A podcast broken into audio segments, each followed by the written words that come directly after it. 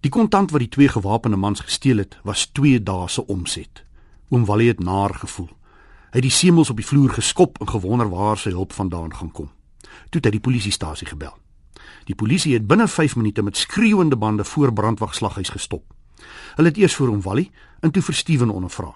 En toe het hulle vir Steven arresteer omdat sy pas nie reg was nie. Hulle het aan hom Wally gesê dat hy heel moontlik in die hof sal moet verskyn omdat hy 'n onwettige band toe in diens gehad het. Daardie dag het oom Wally self al die bestellings in sy Volkswagen variant gaan aflewer. Vir die eerste maal het hy die huise van mense aan wie al jare lank vleis verkoop het gesien. Hy was nie verbaas dat die diewenagers wat twee maal 'n week styk bestel het en altyd die langste gevat het om te betaal, die heel grootste huis gehad het nie. Die volgende dag het twee polismanne met Steven se fiets by die slaghuis opgedaag en gesê dat hulle dit langs 'n uitgebrande braaivleisvuur en 'n hoop leë bierbottels tussen die mynhope gekry het. Oom Wally was so dankbaar dat hy elkeen van die polisiemanne 'n stuk biltong gegee het. Die uitdrukking op hulle gesigte het hom 'n plan gegee. Daardie middag het hy met 6 steaks in 'n jaardwors toegedraai in bruin papier aan die kantoordeur van die polisiestasie bevelvoerder geklop.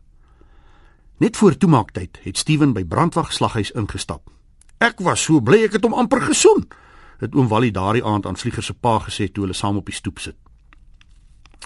Vlieger se pa het gesê dat die hele storie vir hom na omkopery klink. Oom Wally het gesê dat hy lank oor die saak gebid het voordat hy die pakkie vleis na die polisiestasie gevat het.